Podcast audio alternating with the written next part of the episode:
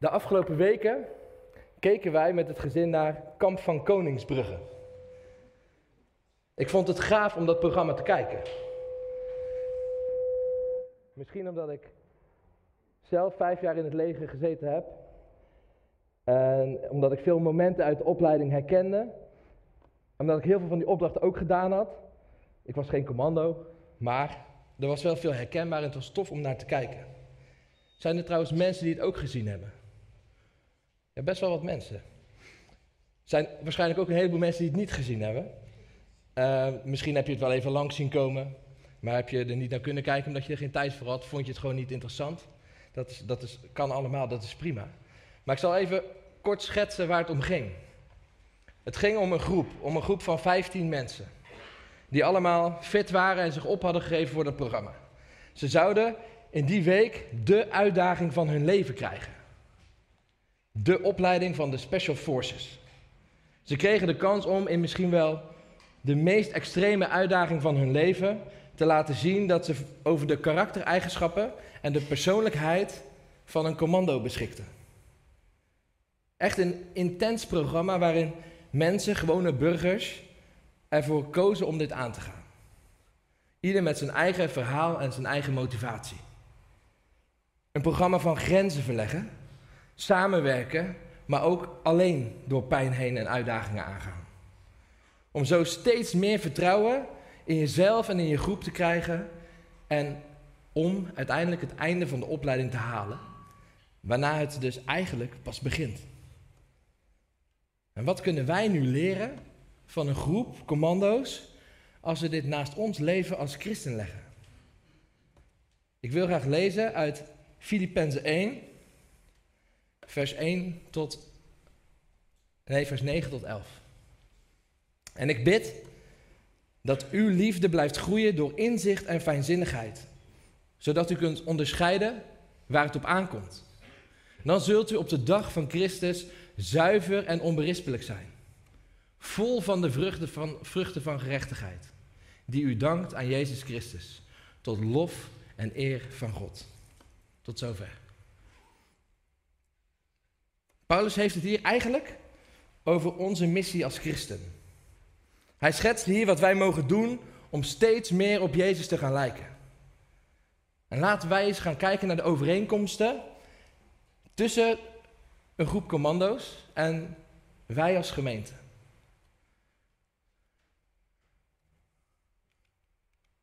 Kijk, het is een keuze. Dat is de eerste overeenkomst. Niemand in Nederland wordt verplicht om commando te worden. Zelfs vroeger, toen we nog een dienstplicht hadden, was het elitekorps van ons leger een plaats waarvoor je moest kiezen. Dat deed en dat doe je niet gedwongen. En datzelfde geldt voor christen zijn.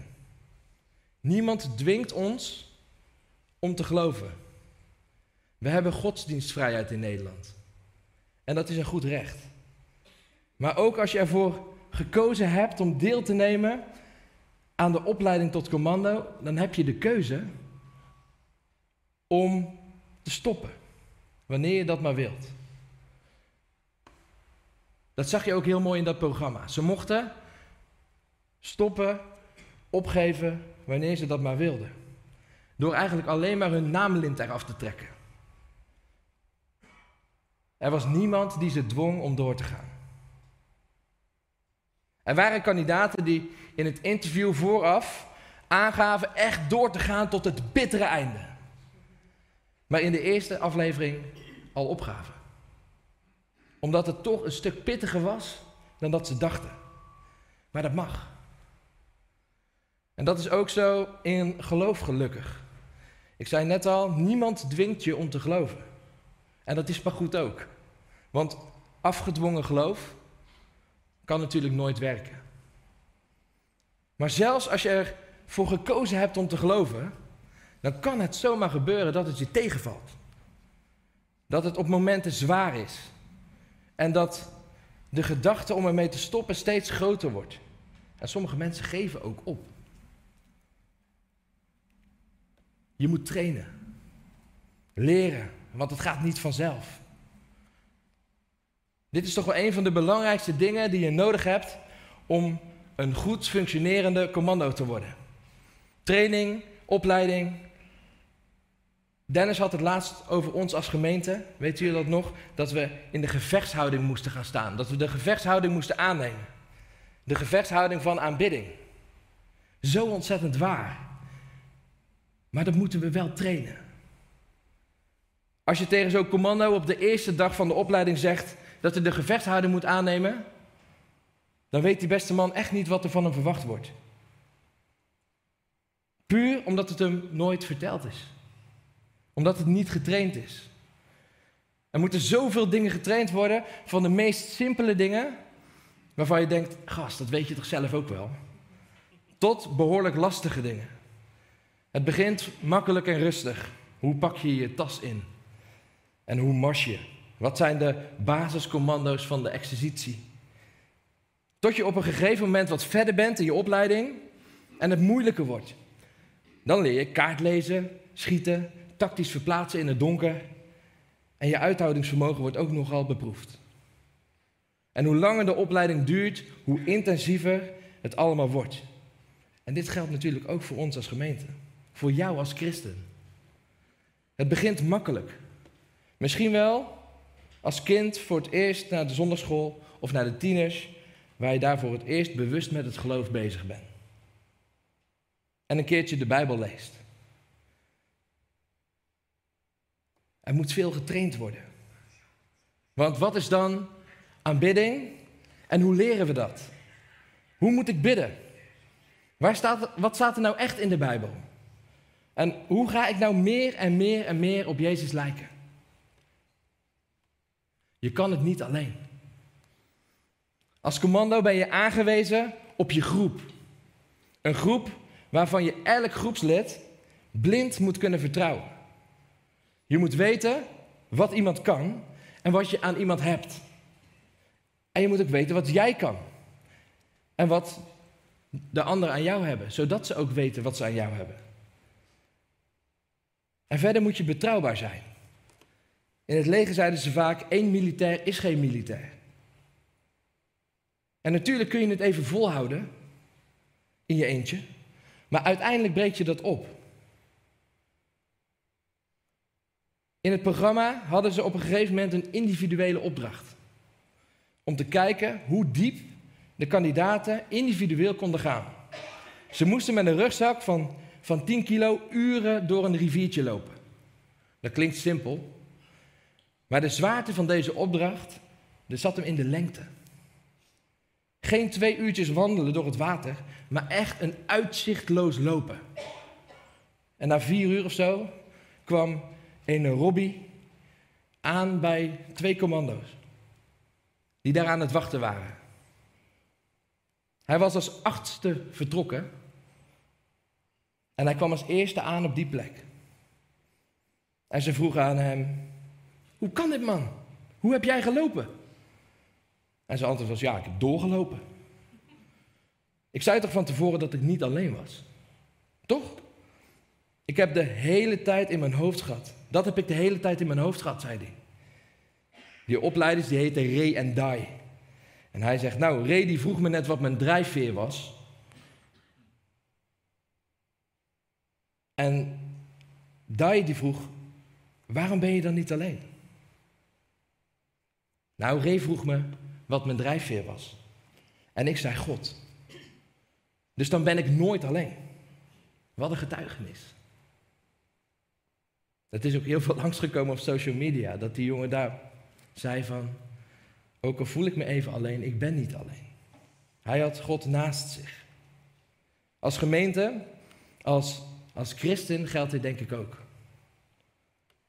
Hoe vaak hebben we de statements niet gehoord? Samen zijn we goed nieuws. Had je het alleen gekund, dan had je het al lang gedaan. We zijn een family. We hebben elkaar nodig. De een is goed in dit en de ander is goed in dat.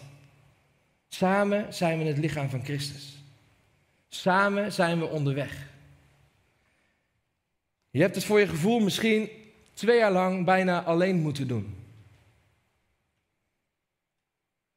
Maar je bent niet alleen. En je kan het niet alleen. Soms moet je misschien iets alleen doen. om te kunnen groeien in een bepaald opzicht. Maar zelfs dan mag je, net als Robbie, weten dat je niet alleen bent. En het gaat niet alleen om jou.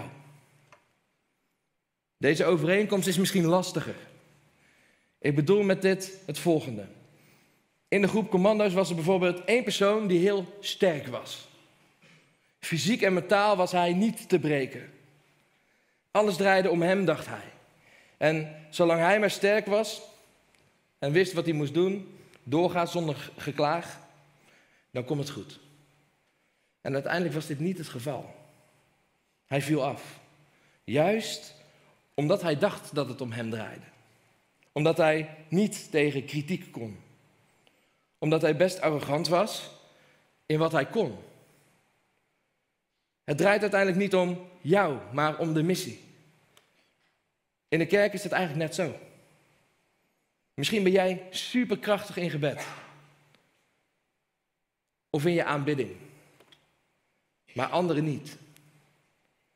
Of nog niet. En irriteer je de hele tijd rot aan hen. Dan kun jij persoonlijk nog zo goed zijn. Maar het draait niet om jou. Het draait om de missie. En dat brengt me bij het laatste. Het dient een hoger doel. Bij de laatste overeenkomst, niet het laatste punt van de preek trouwens, want voordat jullie denken dat ik klaar ben. Bij de commando's is dat de missie waar ze naartoe gestuurd worden. Daarvoor moeten ze worden getraind. Alles is ondergeschikt aan die missie. En dat moeten ze samen gaan regelen. Er is denk ik, en hoop ik, geen commando die bij de commando's is gegaan voor zichzelf, maar juist om mensen te helpen. Zij geven hun leven en zetten zich in voor vrede en veiligheid. Dat is hun hogere doel. Waartoe ze getraind worden als ze als groep aan de slag gaan. En binnen de kerk hebben we ook een hoger doel. We zijn hier op aarde om goed lief te hebben van God, onze naaste en onszelf. Om zo de vrede van God te ervaren en uit te delen. En zo hebben we onze eigen vredesmissie. En misschien denk je nu wel, ja, dit is toch wel te doen. Handig stappenplannetje zo. Zo moet het wel goed komen. Of misschien denk je, dit is, dit is toch vast veel te moeilijk. En zijn die vergelijkingen helemaal niet te doen, of misschien wel helemaal niet reëel. Ik wil nog een keertje kijken met jullie naar Paulus. Paulus die eigenlijk de, de re en die was misschien wel voor de apostelen. Paulus opgeleid als schriftgeleerde, geroepen door Jezus om hem te dienen. En al tegen het einde van zijn leven aan zit hier. Hij zit hier hoogstwaarschijnlijk vast in de gevangenis in Rome. Ergens rond 60, 62 na Christus. Als hij dit schrijft. Laten we eens nog een stukje lezen uit Filippenzen. Alleen nu drie. Misschien kan je het niet lezen, ik zal proberen duidelijk te zijn. Niet dat ik al zover ben, zegt hij, en mijn doel al bereikt heb, maar ik hou vol in de hoop eens dat te kunnen grijpen waarvoor Christus Jezus mij gegrepen heeft.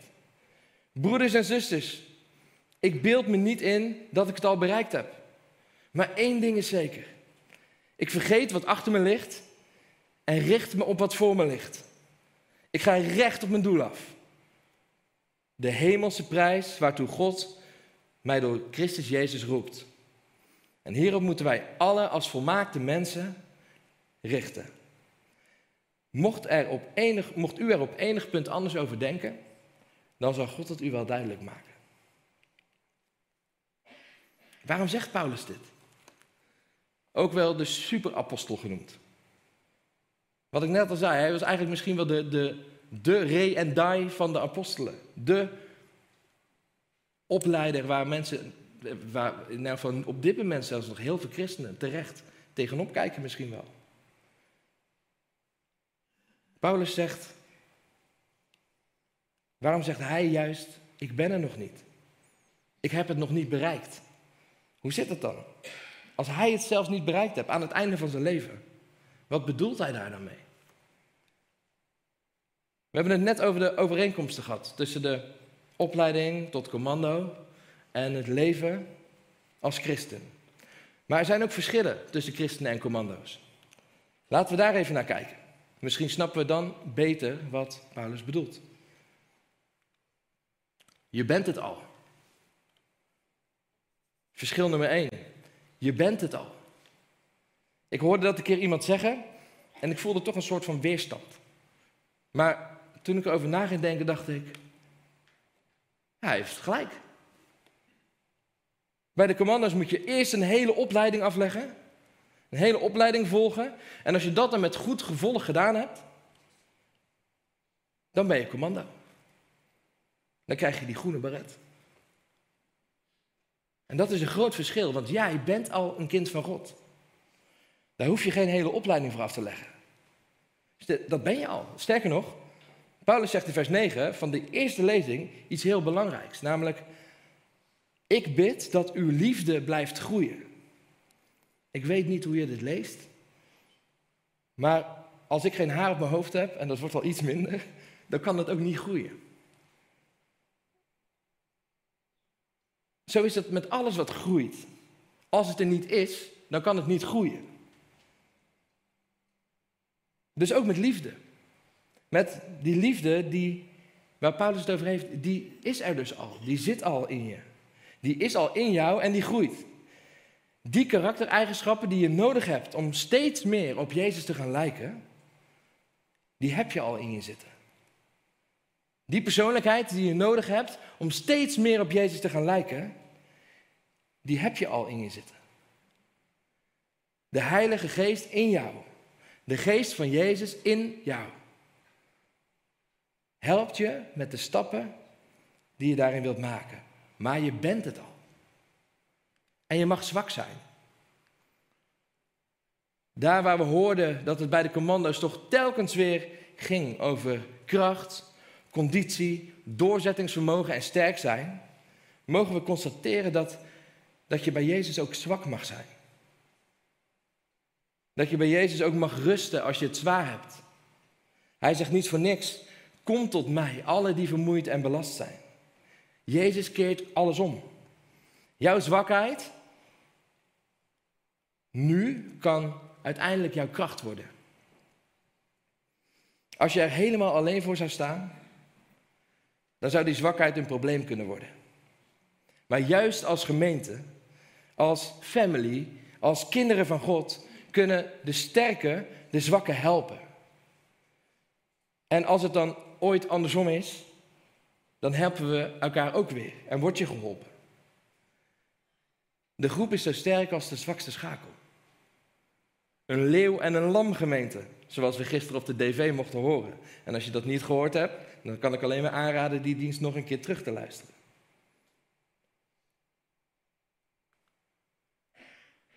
En we hebben een verschil tussen vechten en tussen liefhebben. Hier hebben we het eigenlijk over een verschil in missie. Beide missies zijn eigenlijk vredesmissies. Maar de commando's leren in hun opleiding om, als de situatie daar aanleiding voor geeft, geweld te gebruiken, te vechten. En daar hebben ze ook echt speciale trainingen voor binnen hun opleiding, zodat ze dat zo goed mogelijk kunnen doen. Wij mogen leren dat onze eerste basisreactie liefhebben is. Dus niet dekking zoeken en schieten, maar liefhebben. En dan mogen we kijken naar Jezus als onze grote leermeester. Onze eerste reactie is misschien wel vechten, vluchten of bevriezen. Maar steeds meer mogen we op Jezus gaan lijken. En mogen we gaan liefhebben. Je hebt een mission of love. Commando's hebben een heel duidelijk doel. Ze weten precies wanneer hun missie geslaagd is. Namelijk wanneer ze de opdrachten die ze gekregen hebben volbracht hebben. En ik lees hier bij Paulus dat onze missie eigenlijk geslaagd is op de dag dat Jezus terugkomt. Het doel is zuiver en onberispelijk zijn. Ik las ook nog ergens volmaakt. En als je het zo ziet, dan begrijp je misschien wel dat, dat Paulus zegt dat hij er nog niet is. Maar is dat echt het doel? Dat lijkt nog wel een, een hoge lat, zoals Paulus het hier schrijft. Volgens mij gaat het veel meer om het proces, om onze hartsgesteldheid, dan om in hoeverre we daarin komen. Maar hoe werkt het dan? Dat is voor mij ook een zoektocht en misschien kun je dit wel op honderden manieren uitleggen. Maar ik zie het zo. Je wordt als kind van God geboren, want je bent zijn creatie. En God heeft je met heel veel liefde gemaakt. Daar zal nooit iets aan veranderen, wat jij ook doet en wat je ook kiest. Maar wat is er dan te kiezen? Wil je een leven met God of wil je een leven zonder God? Een leven met God kan alleen maar via Jezus. Door wat Hij voor ons aan het kruis heeft gedaan. Door Zijn opstanding. Wat we binnenkort met Pasen gaan vieren. Als je dat gelooft en aanneemt, dan ben je gerechtvaardigd voor God. Vrij van zonde. Veel mensen laten zich op dat moment bijvoorbeeld dopen. Omdat het een belangrijke keuze is in je leven. Op dat moment neem je het kindschap van God ook aan. En erken je Hem als Vader. En daar start de mission of love. Als je Gods liefde voor jezelf erkent en daarin wil groeien, dan krijg je honger naar Gods liefde. Dan krijg je meer liefde voor jezelf en kun je ook meer liefde delen met je naasten. En dit is een proces en dit wordt heiliging genoemd. In ons handboek staat dan zelfs volkomen heiliging. En het zegt niet dat je hier op aarde al volmaakt moet zijn in je handelen, maar het zegt veel meer dat je je volkomen toewijdt aan Gods liefde. Bij de commando's moet je eerst iets doen om iets te worden. En als christen mag je eerst iemand zijn. En vanuit daaruit ga je het goede doen. Weet je wat die commando's moesten doen als ze opgaven? Ik heb het net al gezegd. Dan moesten ze hun naamlint eraf trekken. En daarmee gaven ze eigenlijk hun identiteit weg. Ze gaven op en gingen zonder identiteit het programma uit. Als christen leven wij vanuit een identiteit, namelijk Christus zijn identiteit in jou. Dus als je opgeeft, wie ben je dan nog? Ik denk dat we één ding echt mogen leren van de commando's. Ze opereren in een groep. Als groep. En dat noemen ze een eenheid. En dat is niet voor niets. Want als eenheid zijn ze in staat tot bijzondere missies. En wij als kerk in deze tijd, en de kerk van deze tijd, mogen echt gaan proberen om weer als eenheid te gaan functioneren. Om zo samen met elkaar een bijzondere missie aan te kunnen. De mission of love. En laten we zorgen dat er niemand afhaakt. Niemand opgeeft. En dat we elkaar in de gaten houden en erbij houden. Waar sta jij nu in deze eenheid? Sta je op het punt om op te geven? Wat heb jij dan nu nodig? Vraag om hulp, want je hoeft het niet alleen te doen. Als jij voorop loopt, omdat het wel lekker gaat met je, heb je dan oog voor de mensen om je heen? Die moeite hebben om mee te komen? Heb je oog voor de twijfelaars? Heb je oog voor de zwakkeren?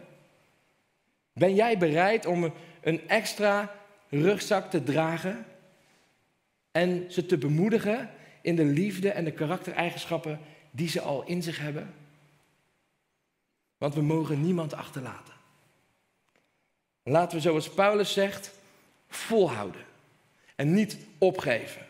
Vergeten wat er achter ons ligt en ons richten op wat voor ons ligt. Want er loopt één iemand voorop. En dat is onze hoop en ons vertrouwen. Dat is Jezus. En door Hem zullen we deze mission of love zeker weten voltooien. Omdat Hij het al voor ons heeft gedaan. Amen.